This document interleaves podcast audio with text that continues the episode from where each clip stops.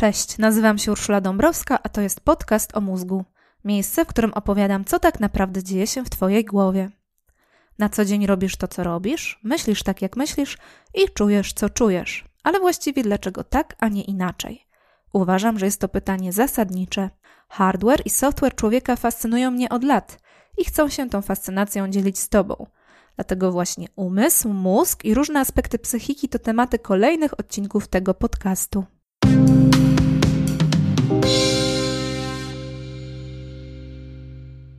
Chciałabym Cię poprosić o zalajkowanie lub obserwowanie strony podcast o mózgu na Facebooku.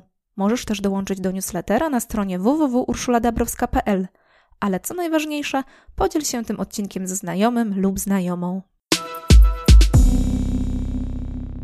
Na dzień babci i dziadka postanowiłam przygotować coś dla seniorów. Ale jeśli jesteś w kwiecie wieku, to nie przyłączaj. Już dziś możesz zacząć tworzyć fundamenty zdrowia, które sprawią, że Twój mózg nie przestanie pracować na najwyższych obrotach do późnej starości. Wszyscy chcemy żyć długo i w zdrowiu, ale apetyt rośnie w miarę jedzenia i jaka taka egzystencja to jeszcze nie wszystko, o czym marzymy. Zdrowe ciało to dużo, ale jeszcze nie wszystko. Do tego fajnie byłoby być do końca w dobrej formie intelektualnej i emocjonalnej. Czy to w ogóle możliwe? Cóż, niestety nie mamy pod kontrolą wszystkiego, ale mamy dużo, więc nie składajmy zawczasu broni. Demencja, choroby neurodegeneracyjne, udary mózgu i zwykłe zmęczenie materiału to hasła, które wymieniamy jednym tchem w rozmowie o starości mózgu. Ale ja, niepoprawna optymistka, chciałabym wymienić kilka innych pojęć. Dojrzałość i starość to przecież także doświadczenie, odporność, zahartowanie, mądrość, szeroka perspektywa i głęboka refleksja nad światem. To wszystko może być naszym udziałem, droga słuchaczko, drogi słuchaczu. I Twoim, i mam nadzieję moim również. Pod warunkiem, że zadbamy o nasze mózgi. Dlatego dziś opowiem o strategiach, jakie pomagają w zachowaniu gibkiego mózgu na długie, długie lata. Nie ma co ukrywać, starzejemy się. U mnie na horyzoncie pojawiła się czterdziestka. Czy to dużo, czy mało? To kwestia perspektywy i właściwie nie jest to istotne. Ważniejsze jest to, że czas mija nieubłaganie. Kultura popularna robi wszystko, żeby nam ten proces zohydzić, ale moje osobiste doświadczenie jest diametralnie inne. Prawdziwi ludzie, ci, których znam z krwi i kości, są jak wino. Im starsi, tym lepsi. Z każdą dekadą stają się coraz mądrzejsi, coraz ciekawsi i coraz bardziej sympatyczni. Z tej perspektywy zakola, zmarszczki i dodatkowe fałdki są mało istotne. Mimo wszystko starzenie się to także spadek sił fizycznych i mentalnych. Dlatego ludzie od tysięcy lat szukają eliksiru młodości. Niestety magicznego eliksiru nie ma. Za to jest nowoczesna medycyna i rozwój cywilizacyjny, o jakim nasi przodkowie mogli tylko pomarzyć. 150 lat temu ludzie żyli średnio 40-45 lat, a dziś na świecie to jakieś 70, a w Polsce 75-80 lat. Jak widzisz, progres jest spektakularny. To także oznacza, że coraz więcej ludzi żyje 90, 100 lat i więcej. Jednocześnie wyraźnie widać, że długie życie wcale nie musi oznaczać życia w dobrej formie. Dlatego dzisiaj medycyna stara się nie tylko wydłużyć, ale także poprawić jakość życia. Ja jak zawsze skupiam się na mózgu, ale wiadomo, w zdrowym ciele zdrowy duch. Więc nie zapominajmy o ciele. Dlatego zaczniemy holistycznie. Od fascynującej kwestii, jak to się dzieje, że są rejony na świecie, gdzie ludzie jakoś tak niestandardowo długo żyją. Opowiem Ci o niebieskich strefach, albo przypomnę, jeśli już je znasz. Niebieskie strefy to takie miejsca na świecie, gdzie częściej niż w innych rejonach świata ludzie dożywają późnej starości. To termin ukuty przez dwóch demografów, Gianniego Pesa i Michaela Pulena. Ale niebieskie strefy spopularyzował kto inny, Dan Butner, dziennikarz National Geographic, który badaniu i opisywaniu tych rejonów poświęcił ponad dekadę. Dan Butner odwiedził niebieskie strefy, żeby dowiedzieć się, co takiego sprawia, że mieszka w nich tak wielu 80, 90 i 100 latków. Wiedział, że raczej nie jest to żaden cudowny eliksir, ale liczył, że może uda mu się stworzyć przepis na długowieczność. No i od razu mam dobrą wiadomość. Taki przepis istnieje. Zła wiadomość jest taka, że wcale niełatwo wprowadzić go w życie, ale starać się zawsze warto. Na początek popatrzmy na niebieskie strefy. Jest ich pięć. To grecka wyspa Ikaria na Morzu Egejskim. Druga strefa to odizolowany region kilku miejscowości na Sardynii. Trzecią niebieską strefę znaleziono na japońskich wyspach Okinawy. I czwarte miejsce to półwysep Nikoja na Kostaryce. Jak widzisz, są to głównie tereny wiejskie i dość odizolowane. Jedynym wyjątkiem od tej reguły jest piąta niebieska strefa Loma Linda, miejscowość w południowej Kalifornii, która wyróżnia się na tle reszty stanu tym, że mieszkają w niej głównie adwentyści Dnia Siódmego. Przy okazji polecam Ci książkę Dana Batnera pod oczywistym tytułem Niebieskie strefy. Znajdziesz w niej szczegółowy opis tych miejsc, no i oczywiście sekrety tych społeczności, które sprawiają, że ludzie żyją tam długo i całkiem szczęśliwie. Książka to światowy bestseller, wydany już w 2008 roku, a w Polsce w 2014. W książce tej Dan Butner prezentuje przepis na długie życie, ale na internetowej stronie jego projektu można znaleźć bardziej aktualną wersję. I żebyś nie musiała, nie musiał szukać, to teraz przedstawię Ci szybkie podsumowanie. Oto wspólny mianownik niebieskich stref. Dziewięć filarów zdrowia, szczęścia i długowieczności. Rzadko to mówię, ale tym razem notatki to naprawdę dobry pomysł. Po pierwsze, ruch. I to ruch naturalny, taki, jakiego wymaga życie na wsi, zajmowanie się ogrodem, dbanie o dom, obejście zwierzęta. Jeśli mieszkasz w mieście, to przełóż na zajęcia miejskie. Dużo spacerowania, chodzenie po schodach, dźwiganie zakupów, zabawy z dziećmi, sprzątanie. W tym wypadku nie chodzi tyle o intensywność, ale o to, by ruch towarzyszył nam każdego dnia, od rana do wieczora. Punkt drugi. Najlepiej, żeby temu ruchowi towarzyszył sens i cel. Seniorzy z niebieskich stref do końca życia oddają się swoim obowiązkom. To one mobilizują ich do codziennej aktywności fizycznej. Punkt trzeci. Relaks. Chroniczny stres przyspiesza starzenie i przyczynia się do rozwoju chorób, ale stres to jednocześnie naturalny element życia. Mieszkańcy niebieskich stref nie mają magicznego sposobu, żeby się nie stresować. Za to mają co innego. Są to rytuały, które regularnie zapewniają im pełen relaks, odpoczynek, zapomnienie o codziennych bolączkach. Punkt czwarty. Umiarkowanie w jedzeniu. Dan Butner nazywa to regułą Hara Hachibu, czyli regułą 80%. Według tej zasady odżywiają się mieszkańcy Okinawy. Kończą posiłek, zanim poczują pełne stuprocentowe nasycenie. Ta pielęgnowana od dzieciństwa powściągliwość sprawia, że zachowują odpowiednią masę ciała i nie przekraczają dziennego zapotrzebowania kalorycznego. Punkt piąty. Dieta oparta na produktach roślinnych. Mieszkańcy niebieskich stref z przyczyn ekonomicznych, kulturowych, a w przypadku Loma Linda także religijnych, unikają mięsa. Jedzą je najwyżej kilka razy w miesiącu, a codzienne posiłki komponują z sezonowych owoców, warzyw, kasz, ryżu, batatów i roślin strączkowych. Punkt szósty, bardzo przyjemny, to kieliszek wina albo dwa, ale kropka. To kolejna zachęta do umiarkowania. Ani nadmiar, ani całkowita abstynencja. Okazuje się, że jeden drink dziennie nie przekreśla szans na długie życie, szczególnie jeśli jest wypijany w towarzystwie, jako element społecznego rytuału. Punkt siódmy religijność i przynależność. Tu najlepszą rolę odgrywa kościół lub związek wyznaniowy. Regularne uczęszczanie na nabożeństwa koreluje z długim życiem. Ateistom i agnostykom poleca się poszukanie jakiegoś substytutu wspólnoty wyznaniowej. Punkt ósmy rodzina. Największą szansę na długie życie mają osoby żyjące w społecznościach pielęgnujących wartości rodzinne. Nikt nie zna jej składu chemicznego, ale wiele osób podejrzewa, że rolę w tym zjawisku odgrywa tzw. Tak witamina M, potocznie zwana miłością. Punkt dziewiąty środowisko społeczne. I to nie byle jakie, ale takie, które ma podobne podejście do życia.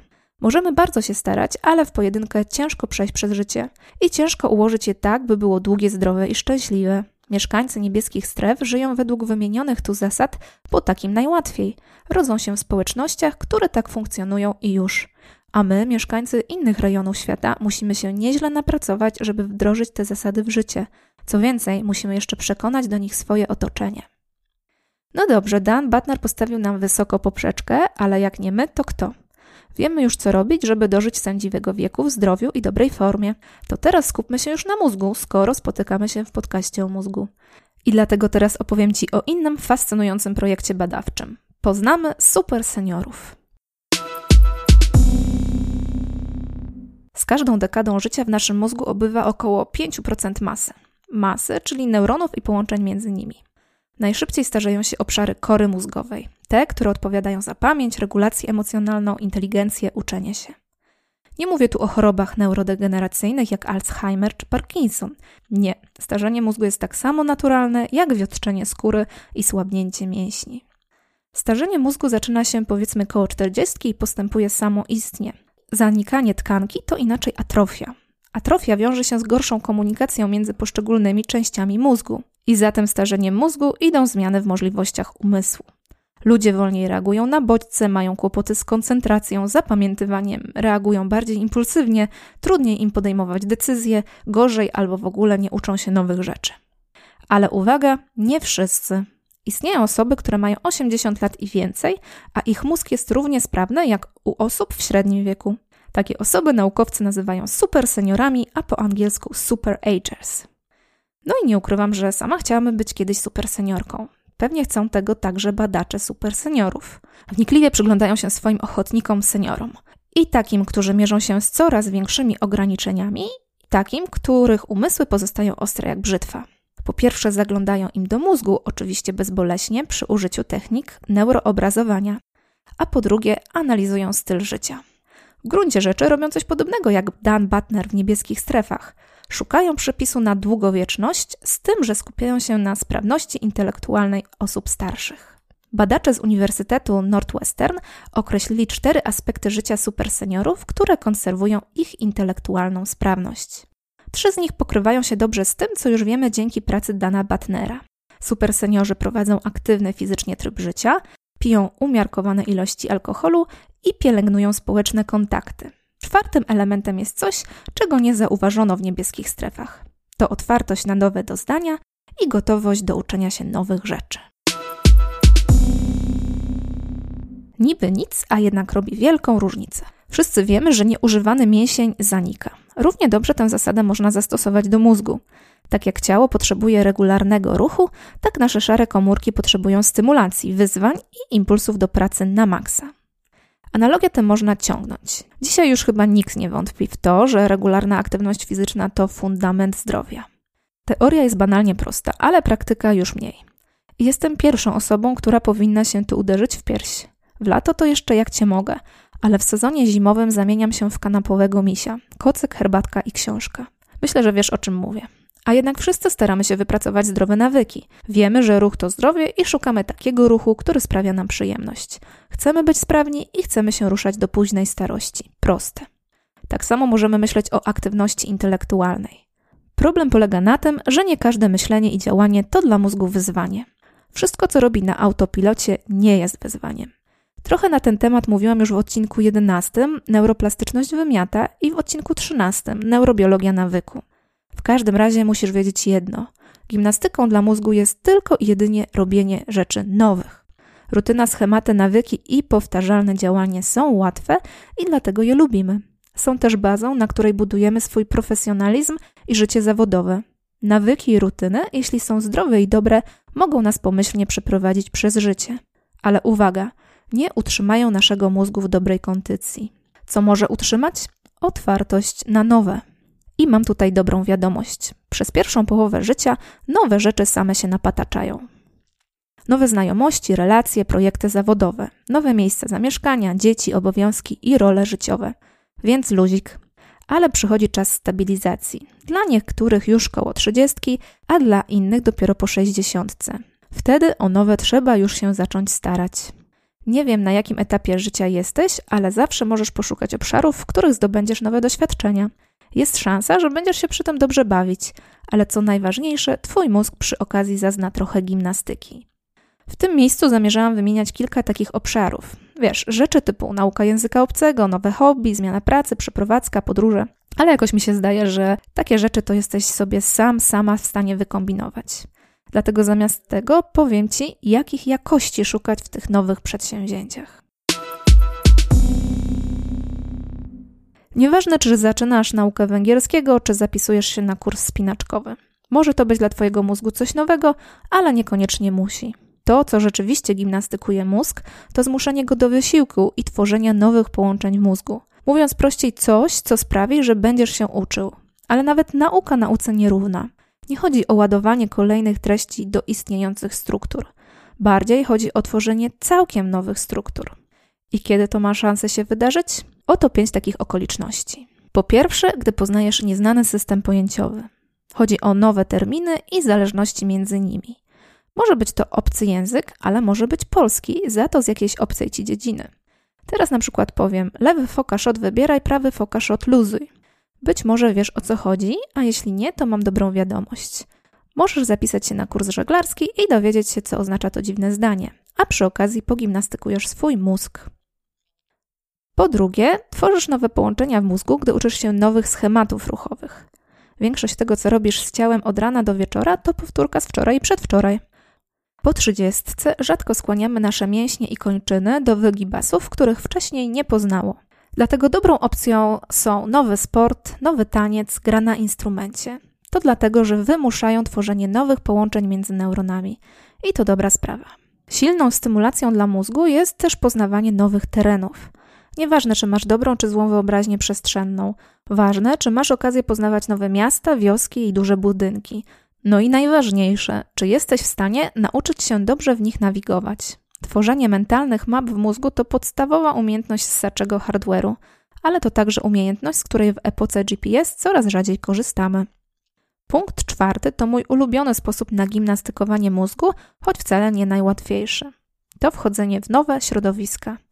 O tym, jak kontakty społeczne są ważne i stymulujące, możesz przeczytać w mojej książce pod tytułem Życie towarzyskie mózgu 21 powodów, by być z ludźmi. Jednym z takich powodów jest to, że poznawanie, dogadywanie się i współpraca z innymi osobami to ogromne wyzwanie dla naszych szarych komórek. Bardzo gratyfikujące, ale też bardzo wymagające. I o to właśnie chodzi, by się trochę pogimnastykować w kontakcie z drugim człowiekiem, a najlepiej wieloma różnymi ludźmi. Nauczyć się nie tylko ich imion, ale także mimiki, temperamentu, słabych i silnych stron, poglądów, nawyków itd. Tak Dużo roboty w sam raz, żeby nasz mózg długo nie tracił kondycji. I na koniec punkt piąty, dość nieoczywisty. To dyskomfort. Musisz wiedzieć, że każda prawdziwie nowa sytuacja jest dla mózgu dość męcząca i niekomfortowa.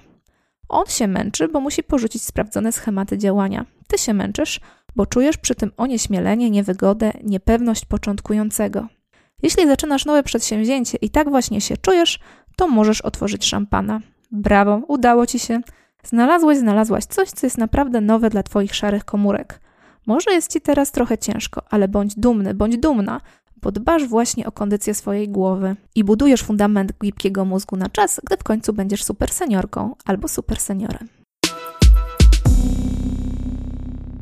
To wszystko, co wymieniłam w tych pięciu punktach, naukowcy nazywają budowaniem rezerwy poznawczej. Bardzo chciałabym, żebyś zapamiętała, zapamiętał ten termin. Rezerwa poznawcza dla mózgu jest tym samym, co dobra kondycja dla ciała. Jeśli w kwiecie wieku jesteś sprawnym człowiekiem, to jest duża szansa, że na starość też takim pozostaniesz. Jasne, trochę stracisz na sile, gibkości i wytrzymałości. Ale jeśli teraz te parametry masz wysokie, to masz też z czego tracić. Po osiemdziesiątce już nie przejdziesz orlej perci, ale na czerwone wierchy jeszcze się wdrapiesz. Podobnie jest z rezerwą poznawczą. Jeśli zbudujesz w mózgu wiele połączeń nerwowych, to masz z czego tracić.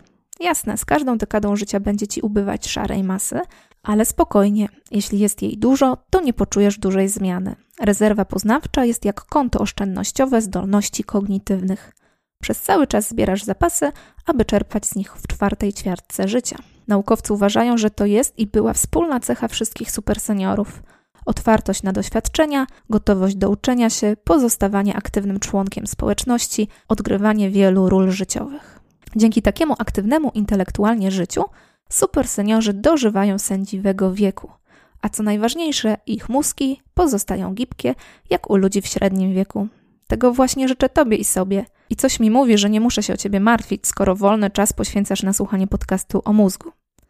A jeśli jesteś babcią lub dziadkiem, to korzystam z okazji i składam Ci najserdeczniejsze życzenia.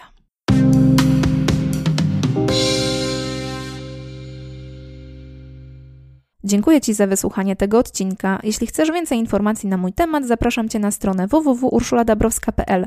Znajdziesz tam mojego bloga oraz opisy moich książek. Zapisz się do newslettera, a informacje o nowych odcinkach będą wpadać prosto na Twoją skrzynkę mailową.